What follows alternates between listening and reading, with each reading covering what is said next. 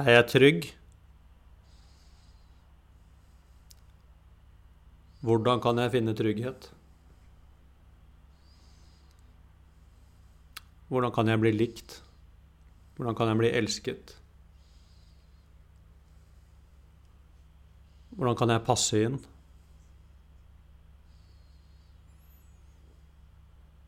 Hvordan kan jeg oppfylle andres forventninger til meg?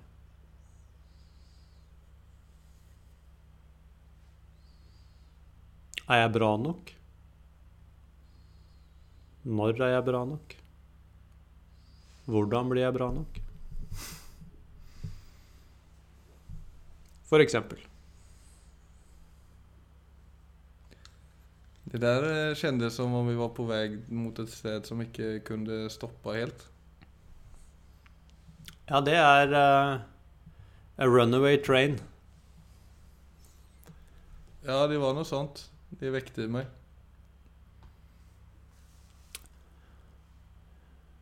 Altså, vi lever eh, Vi lever alle etter noen spørsmål. Og det å bli klar Hvilke spørsmål er det egentlig som eh, driver livet mitt? Mm. Det kan være nyttig å finne ut av. Fordi at den type spørsmål jeg stilte nå Det er den type spørsmål som er naturlig, tror jeg, i altså livets første fase. For at da har vi jo ikke Altså, vi er fullstendig Altså at the mercy, Mm. egentlig. Altså sånn uh, av omgivelsene. Spesielt foreldrene våre, selvfølgelig, til å begynne med. Men det är många frågor där som också känns som om det känns väldigt aktuella som vuxen också. Eller det är inte nödvändigtvis Ja, det- så att man släpper taget om den där det där att hålla fast vid och liksom känna sig trygg då om man ska liksom koka det ner till det. Nei, eksempel. Eller om man er bra nok. Som kanskje også på mange måter Eller passer inn, ja. koker ned til det samme. Ja de blir jo det. Nei, det- Ja. Nei, det er akkurat det, Philip. Altså, sånn, det er ikke sikkert de Det er ikke sikkert de spørsmålenes aktualitet noen gang blir borte. Det er derfor jeg tror det kan være nyttig å snakke litt om det og peke på det. Fordi at vi kan alltid Vi kan alltid begynne å stille oss, stille oss selv andre typer spørsmål. Ja hva tenker du nå? Eh, Nei, altså jeg tenker når eh, Altså jeg tror for veldig mange så tvinger det seg fram et annet sett med spørsmål. Altså i Hvis jeg kan kalle det livets andre fase. Og det er jo egentlig når eksistensen begynner å eh, bli aktualisert. Altså når den presser seg på. Så i vår del av verden så kaller vi jo det ofte 40-årskrisa. Altså et eller annet sted sånn cirka midt i livet hvor hvor det er en måte å leve på, på en måte, den spiller ut sin rolle. Og da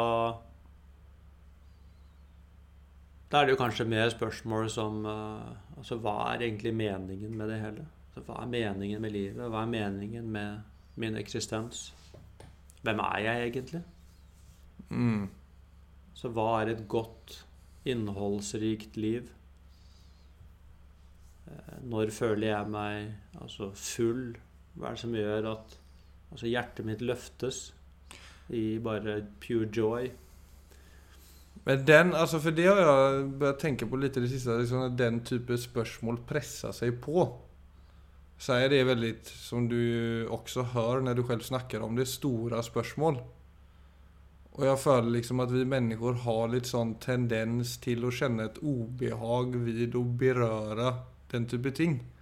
Altså man vet at noe er skitviktig, Men det er nesten for både fremmede for at man har jo levt på et vis hele livet men også nesten for stort for å Ja, det blir ubehagelig å behandle det. Ja. Det gjør jo det. Det er jo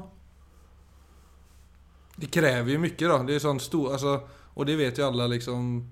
Bare det å gjennomgå en forandring som skal lede til et bedre liv da.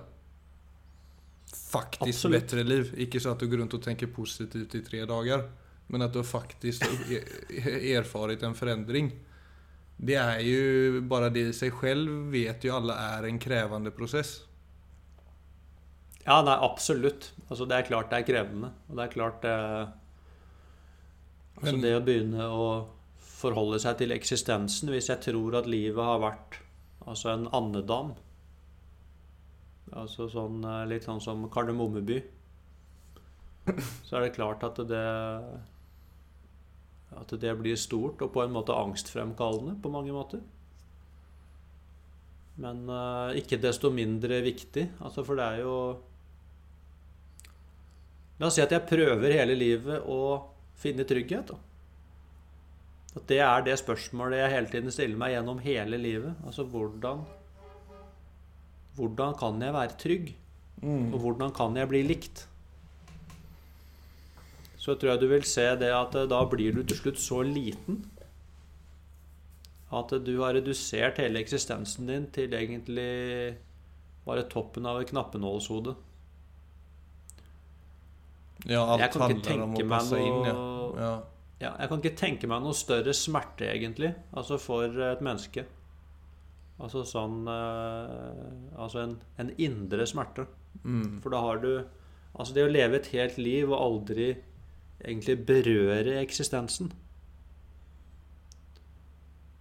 Da, da Da tror jeg faktisk Sånn tror jeg mennesket er. Da tror jeg du vil Du vil aldri egentlig ha følelsen av at du har levd. Men Du du berøre eksistensen, aldrig beröra sprängt. existensen, vi går bara för att, då snackar du liksom, liksom 'berøre livet mer enn bare på ytan. Det er det du mener med det ordet i en sånn sammenheng? Ja. At det faktisk går opp for deg at du er Altså, jeg er et levende menneske eh, på en planet.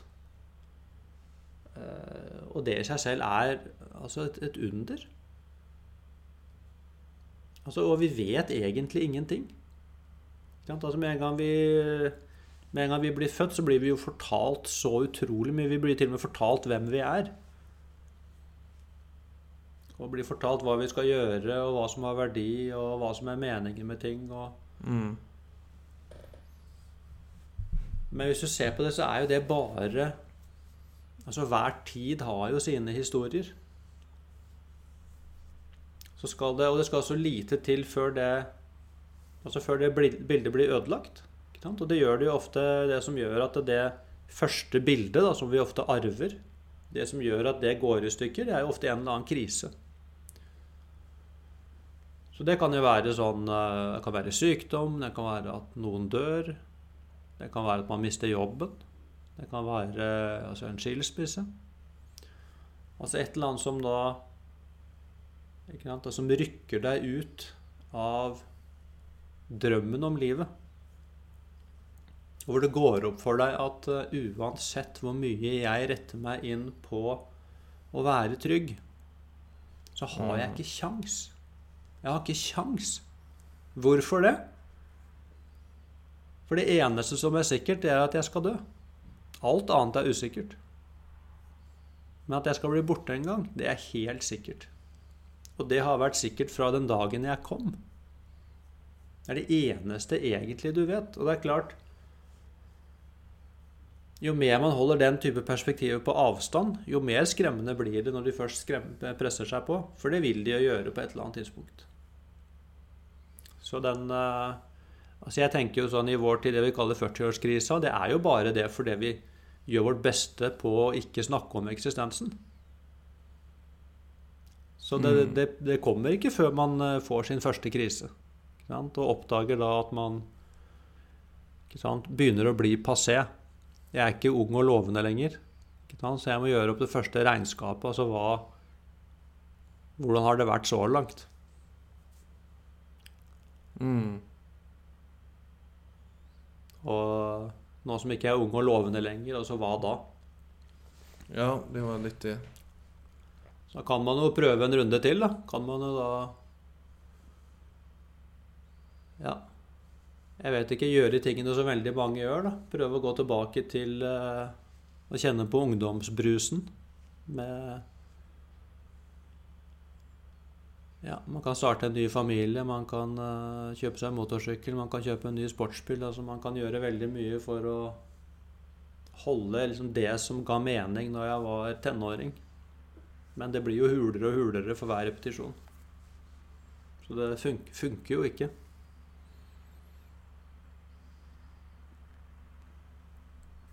Nei, da får man finne opp spørsmål som gir mening i Ja, det er akkurat det. På et annet sett da. Men det er jo også den der Bjørn, ja. Du trenger ikke gå helt tilbake til når man blir født igjen, men det er jo Du, du, du er jo inne på det der med liksom Vi blir jo fortalt av kulturen, av våre foreldre, av etc. rundt oss om hva vi er, hva som er verdi, og hva vi er på vei, og så videre. Men så er det jo den der biologiske faktoren også, tenker jeg. Det der med at vi kommer ut, og så er vi 100% avhengige av mammaen. Og vi Det er jo som en sånn tørst eller lengtan etter å eh, fusjonere egentlig med, mo med moren. Altså den der biologiske Absolutt. trangen Eller ikke trangen, men eh, som er jo helt avgjørende for oss. At vi får den der tryggheten utifrån. For å overleve, ja. egentlig. Og for å Så det er jo Det er ikke så rart heller at vi At de sitter veldig dypt i oss. At vi Neida. At det å overleve og finne trygghet er Det blir jo liksom det første vi befester oss vid, kan du si. Ja, ja. Som jo i seg skaper hele det biologiske fundamentet videre. Absolutt, Philip. Jeg tror man kan uh, oppdage veldig sent i livet at man egentlig fortsatt bare søker puppen. ja. Ja, jeg ja, har søkt den i 30-årsalder, liksom. Så de Ja, ja, herregud. Altså. Gi det 30 år til og se om det Se han ligger der igjen. Nei, men det er jo veldig ja, det, fort den... gjort at når man kjenner seg minste lille sårbar, så blir man en kjempeliten pojken. Som Helt søker seg til mammas trygge favn. Ja, det er akkurat Og ikke for at altså, det Jeg skal ikke slå ned på det, men jeg kan jo kjenne at det faktisk Jeg som måste ändå säga att har reflekterat veldig mye i mitt liv, i alla fall som vuxen, kan ändå känna att det er rester av också någonting oförlöst i det at jeg har det känns ikke helt rimligt eller riktigt at jeg har en, eller kan liksom hamna i situation där jag blir så liten og så pojkaktig og søker liksom den tryggheten som er mamma. Alltså jag kan jo se ja, det er så. Det er noe veldig jeg vet, ja, igjen, jeg vil ikke si at det er feil, men jeg kan ändå kjenne at det ikke er helt som det burde. Altså, jeg har jo nevnt det i podden tidligere. Jeg var litt sånn engstelig gutt og sov inne hos mamma til jeg var typ 12-13 år. Og var ganske redd og så. Og mm. behandlet vel aldri den frykten helt heller. Eh, men jeg har jo i mitt liv søkt enorm trygghet da, kan du si, som barn, for at jeg var så mm. redd. Mm, absolutt. Så, jeg, det er, så det er jo å gjenoppleve liksom, meg som 13 år, meg som 6 år, meg som 18 altså, Det er precis som om det er et barn der som aldri blir Eller som aldri ble, og som jeg fortsatt i dag kjenner ikke har blitt forløst. Nei, men ikke sant, der, jeg tror der sier du det nummer én. Altså, det tror jeg det du beskriver her, tror jeg ligger i alle som ligger i den psykiske strukturen vår. Altså som uh, Ja, det er med grunnleggende redsel og selvfølgelig en grunnleggende behov for å smelte sammen. Altså det å bli favnet. Og bare kjenne at åh, her Altså her er det Og jeg tenker også når du ligger selvfølgelig i Altså i mors mage, altså ligger jo i vann, så er det jo også Altså en absolutt trygghet. Så det er klart, altså de sporstoffene er der. Men så ser du Det er akkurat der det blir relevant, for det er jo helt greit. Altså Et barn når det blir redd, så skal det jo søke til mamma, og det skal kjenne den tryggheten. Og det er jo viktig også for å egentlig finne trygghet. Ja, for der er det jo viktig for å bli bekreftet også. Ja, det er akkurat Altså det, men så kjenner kjenner du på et eller annet tidspunkt Så kjenner du på et tidspunkt at nå er ikke dette greit lenger. Så den sårbarheten og usikkerheten kan komme, men så oppdager du da at hvis du følger de gamle strategiene nå, så kjenner du plutselig at du har på deg altfor små sko. Mm. Og det er der det gjelder å bli Altså være oppmerksom. Og da se den For nå, da har plutselig eksistensen kommet egentlig med et nytt krav til deg. For det, det ligger bare der, for det ligger i følelseslivet vårt. Men det å få med seg det Så nå er det ikke lenger tid for å stille spørsmålet Hvordan kan jeg bli favnet? Nå er det tid for å stille spørsmålet Hvordan kan jeg favne? Det er to veldig Ja, det, Da går man i en helt annen ja, retning. ja, det treffer det. Ja, for i det øyeblikket du kjenner at du favner, så kjenner du akkurat den samme tryggheten. Mm. Jag kan inte sitta og och hänga du- på mammas pupp samtidigt som jag passer på Louis og Willem liksom. Nei. Det blir ikke veldig Ikke veldig kledelig. Så når jeg lengter etter kjærlighet, så opplever jeg eh, nettopp at jeg mangler jo det jeg lengter etter. Så hvordan kan jeg få kjærlighet? I det spørsmålet så bekrefter jeg en mangel. Men hvis jeg stiller spørsmålet Hva kan jeg gi?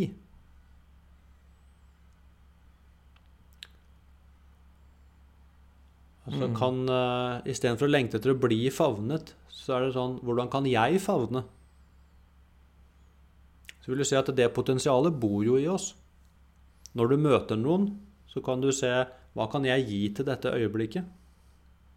Hva kan jeg gi til denne situasjonen? Hvordan kan jeg eh, Hva kan jeg gjøre for at dette mennesket som jeg står overfor nå, føler seg sett? Så bekrefter du at du er full. Så du setter egentlig deg selv i kjærlighet gjennom å gi kjærlighet. Eh, Gjennom å være den som tar ansvar. Gjennom, Mm. gjennom å være den som den som, eh, den som favner. Det er mer passende for en 30-åring. Ja, det er det. det er Men jeg vet. Ingmar Bergman sa det at det var så veldig filmregissøren. vet du. Det var så veldig viktig for han at han hadde en kjæreste eller en fru der man kunne parere hvem som var barn i forholdet. Så at begge Mm. två kunne liksom få legge seg ned, og så når den ene var oppe, så kunne den andre få legge seg ner. Ja, for meg så så er det liksom, ja, ja, de, For meg ikke det en drømmebilde heller Men det var ju Altså, det er jo Det, det blir jo på en måte Ja, där är det Det er jo egentlig et bilde på eksakt det du snakker om Som aldri på en måte leder til noe annet enn En slags vuggevise. Nei, får, da får du aldri av deg kortbuksene, rett og slett. Altså. Uansett hvor gammel du er blitt. Ja, det er det som er så interessant med det vi snakker om nå. Altså som altså Det er bare én måte å si det på, dette med altså hvilke spørsmål er det som dominerer livet mitt. Så kan man gjennom det altså oppdage disse tematikkene, og de slutter ikke av seg selv. Nei, for det er så veldig starkt. Altså det, det Ingvar Bergman sier der, er jo egentlig den otroliga, eh, at att han kanskje helt er klar over det, men den kraften det er Altså det barnet som på en måte bor i oss alla. I stor eller liten grad. Men det er så starkt. Ja. Så man tror ju Ja, det, det det er noe som man skal behandle. Ja, det er akkurat det. Og akkurat som om det en gang skal få det det lengter etter, istedenfor å se at det, det er umulig. Altså, det var barnets drøm. Som, øh, og det var en drøm som oppsto fordi jeg ante ikke hva jeg sto i. Altså, jeg ante ikke hva eksistensen var. Jeg ante ikke hva et menneskeliv var. Og jeg ante definitivt ikke hvem moren min var. Så hadde hun i det hele tatt sjansen til å, til å gi Hvem meg det jeg virkelig trengte? Altså, altså selvfølgelig ikke. Så det er noe med å virkelig se at det var barnets drøm. Det går det faktisk an å slippe tak i når du ser at det var en drøm som, som faktisk hadde sin rot i total uvitenhet om eh, altså både menneskenaturen og eksistensen. Men det er klart, det, det å se det og slippe det, så slipper man jo også For noen vil jo kjennes ut som jeg må slippe tak i det kjæreste jeg har. Mm. Men det er på en måte egentlig igjen Det er veldig mye sentimentalitet og, og drømmerier. Mm. Men det kan jo selvfølgelig Og så ligger det jo i andre enden også, i det vi snakker om nå. Altså det å begynne å stille andre spørsmål, så ligger det jo også å ta ansvar. Altså det å bli voksen er jo å ta ansvar. Og så ligger jo da disse spørsmålene der. Altså hvem er jeg egentlig? Hvem er jeg? Hva er jeg? Hva er det egentlig jeg står i? Hva er dette livet? Hva er det som gir mening? Altså, hva er det virkelig Hva er det som gir mening på denne livsreisen? Der ligger spørsmålene, vil jeg si, for den andre fasen av livet. Når den enn måtte komme. Altså, jeg fikk jo min krise tidlig i livet, så, jeg, så disse spørsmålene trengte seg på hos meg når jeg bare var 18 år gammel. Mm. Eh, men for noen så kommer det seinere, så noen kommer det tidligere. Eh, og kanskje hos noen kommer det ikke i det hele tatt. Men jeg tror det er noe med å se det at vi blir mindre og mindre. Det er som vi går med mindre og mindre sko. Og du får skikkelig gnagsår etter hvert hvis ikke du oppdaterer spørsmålene dine til den livsfasen du faktisk er i. Hur, hur blir det, ja, hur ska man liksom undvika det och liksom hela tiden hålla det på avstånd? Då? Alltså vi säger ju det att en kris ska till för att liksom närma sig detta och det, sån är det kanske också. Och som ju är en, en indikation på att det är ett sätt vi lever på som är ytligt då, för att säga det milt sagt. Ja. ja. Men hvis du begynner på Altså noe som er helt enkelt og helt nært, som jo alle er opptatt av. Altså, hva er det som gir meg en følelse av glede?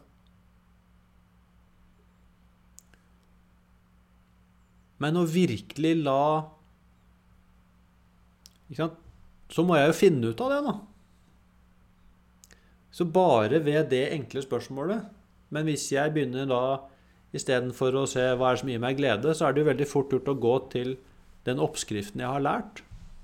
Eller den oppskriften som er i Altså som er i vår tid. Og så lar jeg den være autoriteten Mm. istedenfor mitt eget følelsesliv. Så hvis jeg tar spørsmålet på alvor, så må jeg begynne å undersøke.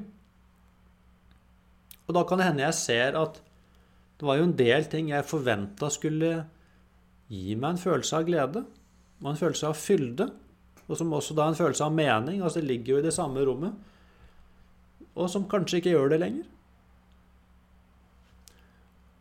Og hva gjør jeg da, hvis jeg plutselig oppdager at den oppskriften jeg har fulgt, og som kanskje har funka godt for meg også i livets første fase, hvis den ikke funker lenger, ja, så må jeg jo begynne å være sporhund. Da, da må jeg begynne å oppdage, og så må jeg begynne å se hva som faktisk skjer, og hva som skjer i meg når jeg lever livet sånn som jeg gjør. Og da står jeg jo plutselig overfor eksistensen igjen. For da står jeg ovenfor noe jeg egentlig ikke helt vet hva er. Men jeg vil jo da oppdage at jeg har de verktøyene som trengs for å begynne utforskingen. Så for meg så blir det kanskje på en måte et litt sånn Et skremmende øyeblikk, kanskje. Men det er også et veldig levende øyeblikk. Og det er et øyeblikk som Altså som har en lovnad i seg. Så for meg, der begynner heltens reise.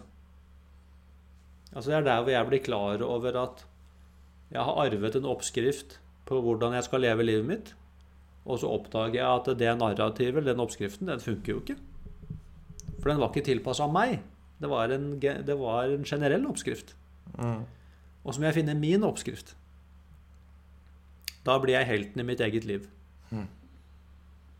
Og da må jeg ut på en lang reise for å vinne altså prinsen eller prinsessa og halve kongeriket. Og da vet du da, på den veien der, så vil du møte en drage som må nedkjempes. Men det er for meg noe som er Det er sprell levende. Og det er bare én autoritet på den reisen, og det er faktisk meg. Så det å tørre å være autoriteten i mitt eget liv For hvem andre skulle være det?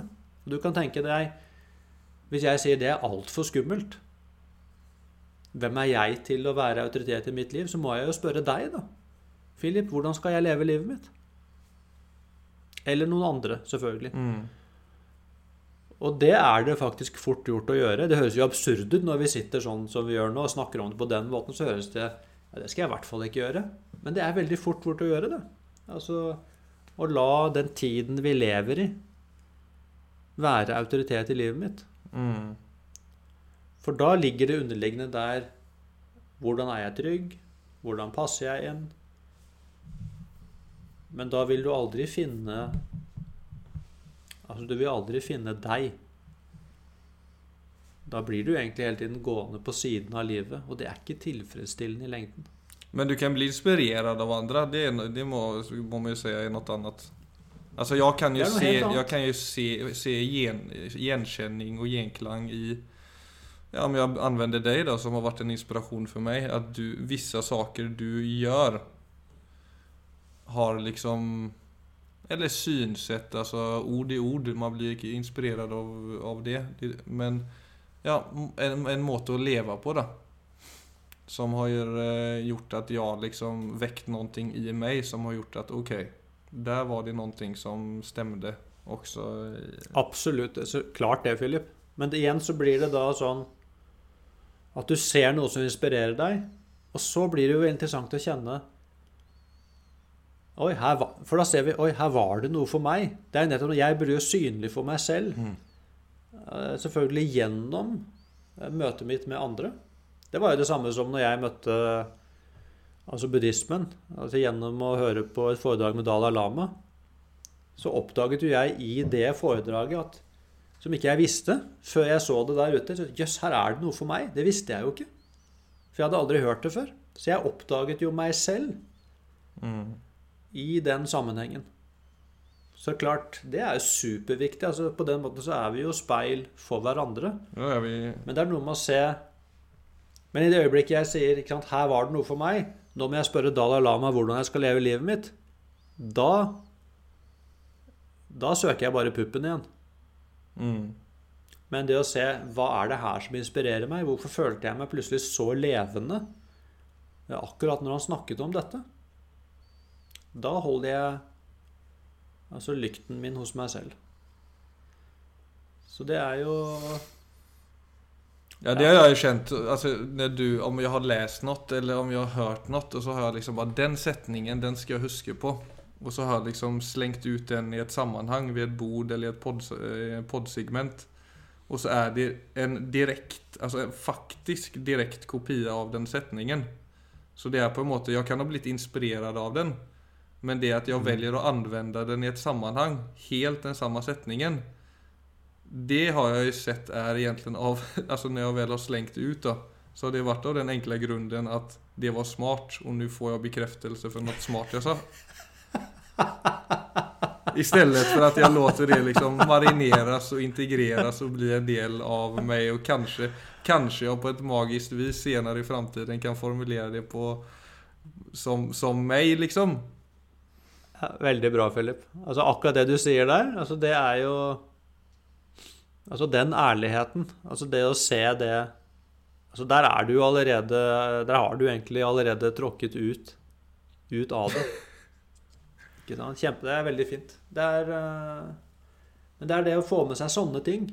Ja, for det du sier med altså, puppen kanskje... der, det er jo nesten nästan detsamma som å ligge i fosterställningen i sofaen og sakne efter mamma. Følelsen er ikke så... Mm. Det er også en sånn slags ängslighet i det att bli bekräftad och bli omfamnad. Som har gjort... Ja, som har gjort att eh, jag har hamnat i sådana situationer då jag liksom bara sier noe som egentlig ikke er meg. Mm. Men det er bare Men det er jo Det er jo et Så et golden moment. Hvor du Altså hvor du får øye på det at du Ja, si tar en setning du har lest, da. Altså for å virke smart. Og så får du øye på at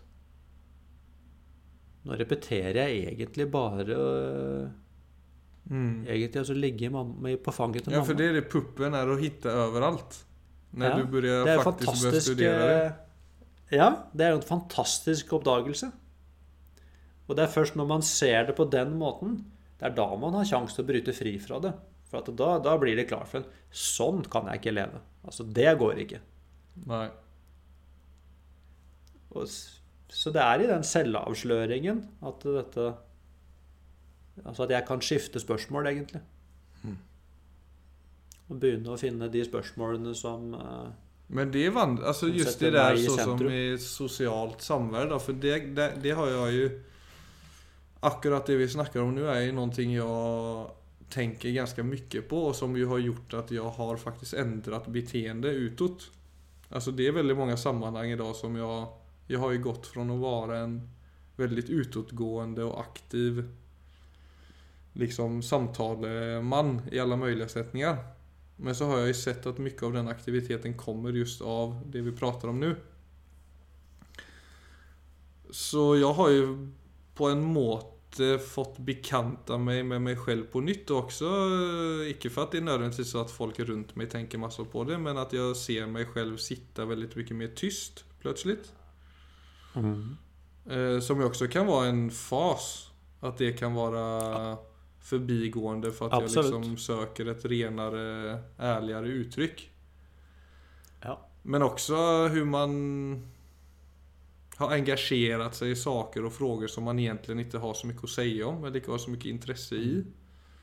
Som Mm. också jag upplever att jag har gjort allt för mycket. Det är inte så att man inte ska anpassa sig ibland men det är ju...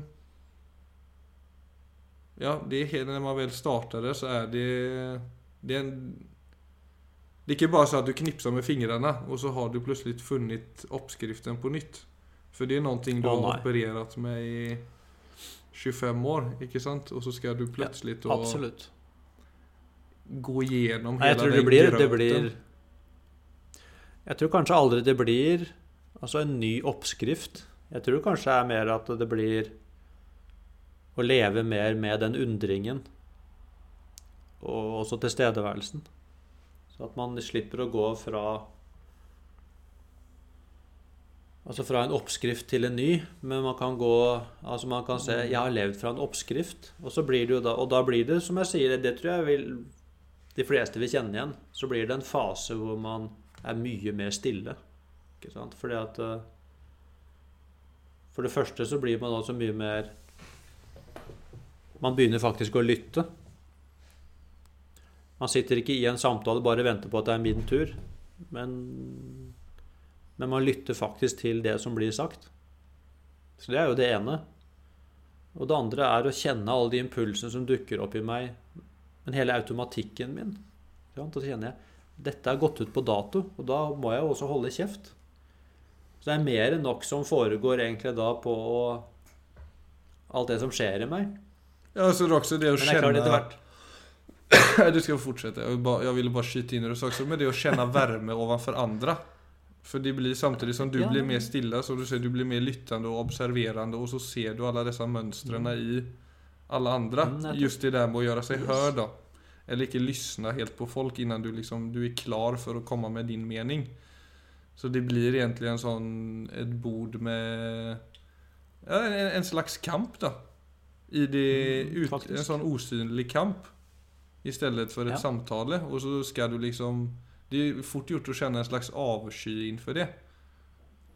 Mm, Absolutt. Det er ofte første responsen. Men så vil nok ofte aller helst, og det så kommer varmen etter hvert som man får rydda litt i seg selv. Og da begynner det jo noe nytt. Og det er veldig fint det du sier, for da er det akkurat Da er det jo samtalen som kommer i sentrum. ikke denne kampen for å bli sett, men det blir selve samtalen. Så det blir jo en mye, mye høyere kvalitet altså på, på menneskemøtene når man er interessert i samtalen, og ikke bare i å få sagt det man syns man burde ha sagt. Ja, for det er bare helt Ja, ja. Nei, det er en, det er en tragedi i min bok. Ja, det er jo det. Altså, Nei, et det er jo er, så Nå holder jeg på å si edelt, for nå har jeg sett Leonardo, en Mm. eh, NRK-serie om Leonardo da Vinci. Han jo veldig stor i munnen og poetisk og in interessant fyr, men samtalet er jo er jo noe fantastisk når det er Ja, det Et det er samtal. det der. Men när det handlar om att göra sig hörd och vara morsom och komma med den bästa poängen. Mm. Så det, det är precis som att du pissar på någonting som är så fint då. Ja. Nei, men du vet, jeg er jo helt enig med deg, Philip, altså at det er, altså det er noe edelt med det. Altså, dette er jo ord som vi også på mange måter har slutta å bruke. Eh, Som kanskje også er litt synd. Altså dette med Altså Hvis du har med deg det, altså denne følelsen, da, at dette er, dette er faktisk noe. Et menneskemøte er noe. Mm. Et menneskemøte har også et potensial. Og det har det potensialet for å være altså noble. Mm. Mens det å egentlig bare gå sånn og ja, insistere på å være fire-fem år gammel sant, og syns, så blir det jo litt som å pisse på en mulighet. Det gjør faktisk det. Så det er et alvor, det er, da blir det et alvor i det. Og det er i For da blir det igjen det spørsmålet altså hva, hvordan skal jeg leve livet mitt? Da skal jeg gå rundt og være altså et barn gjennom hele livet? Eller skal jeg ta inn om at det heter noe, altså er det noe som heter en noble life? Det er sånn som uh, personlig jeg finner utrolig rørende. Altså det Mm. er, og det er i det å og, og da går det også, Dette er jo også følelser. Men det er, da vil jeg si at du har gått inn i det dype følelseslivet ditt. Mm. Og de følelsene skal du lytte etter. For de vil trekke deg inn i en helt annen retning. Altså det, for da blir det mer sånn Hva er det som kreves av meg for å holde meg i samsvar med de følelsene? Og da spør du ikke etter mening lenger, for da blir det plutselig veldig meningsfullt. Eh, altså Da blir hverdagen min veldig meningsfull. Alle de små menneskemøtene blir meningsfulle. For det begynner å handle om noe annet Mm. enn bare alle disse overfladiske behovene.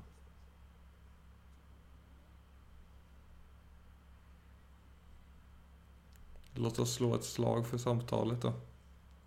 Ja, Veldig bra, altså. Det var en super eh, inngang du hadde der. altså. Da har vi jo holdt på en stund, tror jeg. Så slutt kanskje greit det var en grei avslutning punkt. der. Sätta punkt. Ja. Som jag har ju fortfarande min punkttelefon, alla som lyssnar. Över en månads tid. Och jag har knust skärmen. Så nu är jag skicklig ute och kör här. Liksom ingen, alltså, ja. den är ju liksom, det är ju ganska vanskelig och nu ska inte jag säga att det här är, jag har tagit på mig livets uppgift. Men det är ju, som jag nämnde med den här telefonen, för de som inte lyssnar så är det en sån dumbphone och inga appar och sånt. Och allting är ju, alltså allt möjligt är ju satt upp mot de här apparna. Så jag blir ju, Mm. jag har ju märkt det, jag må ju vara realist och säga att det gör mig handikappad till tider. Samfundet Mm. gör det inte lätt för mig, men nu när den här skärmen också knuste så tar det liksom inte heller bara fem minuter att skriva ett sms, men typ en kvart. För att jag ser inte bokstavene bokstäverna helt. Så jeg, jeg, har liksom vært sånn Jeg har vært inne på tanken om en iPhone igjen, det skal jeg erkjenne, men eh, jeg kan ikke ge meg så fort. Ikke så fort. Og så får jeg kjeft hjemmefra Nej, også. Det blir... Eh, Det blir dyrt, det der. Ja, det blir jævlig dyrt For jeg har også gett min telefon til Gitte. Så jeg har, Jeg måste kjøpe en ny. Men alltså, nej, vi må, det har ju sina fördelar också. Jag sitter ju faktiskt och så som när man är på, sitter i bilen och väntar på någon och du är i, vid busskuren eller du är ute och går. Alltså, du är faktiskt Du har ikke den muligheten å ta opp telefonen og bli eh, distrahert. Nei. Og det jeg växer er, fram eh, en kvalitet. Nu har det gått över en månad tid och det växer. Det kommer fram en skarpere skarpare liksom blick på tillvaron. På Ja. människorna rundt. Så det har, det har absolutt en fordel. Ja. Jeg heier på deg, Philip. Det er bra.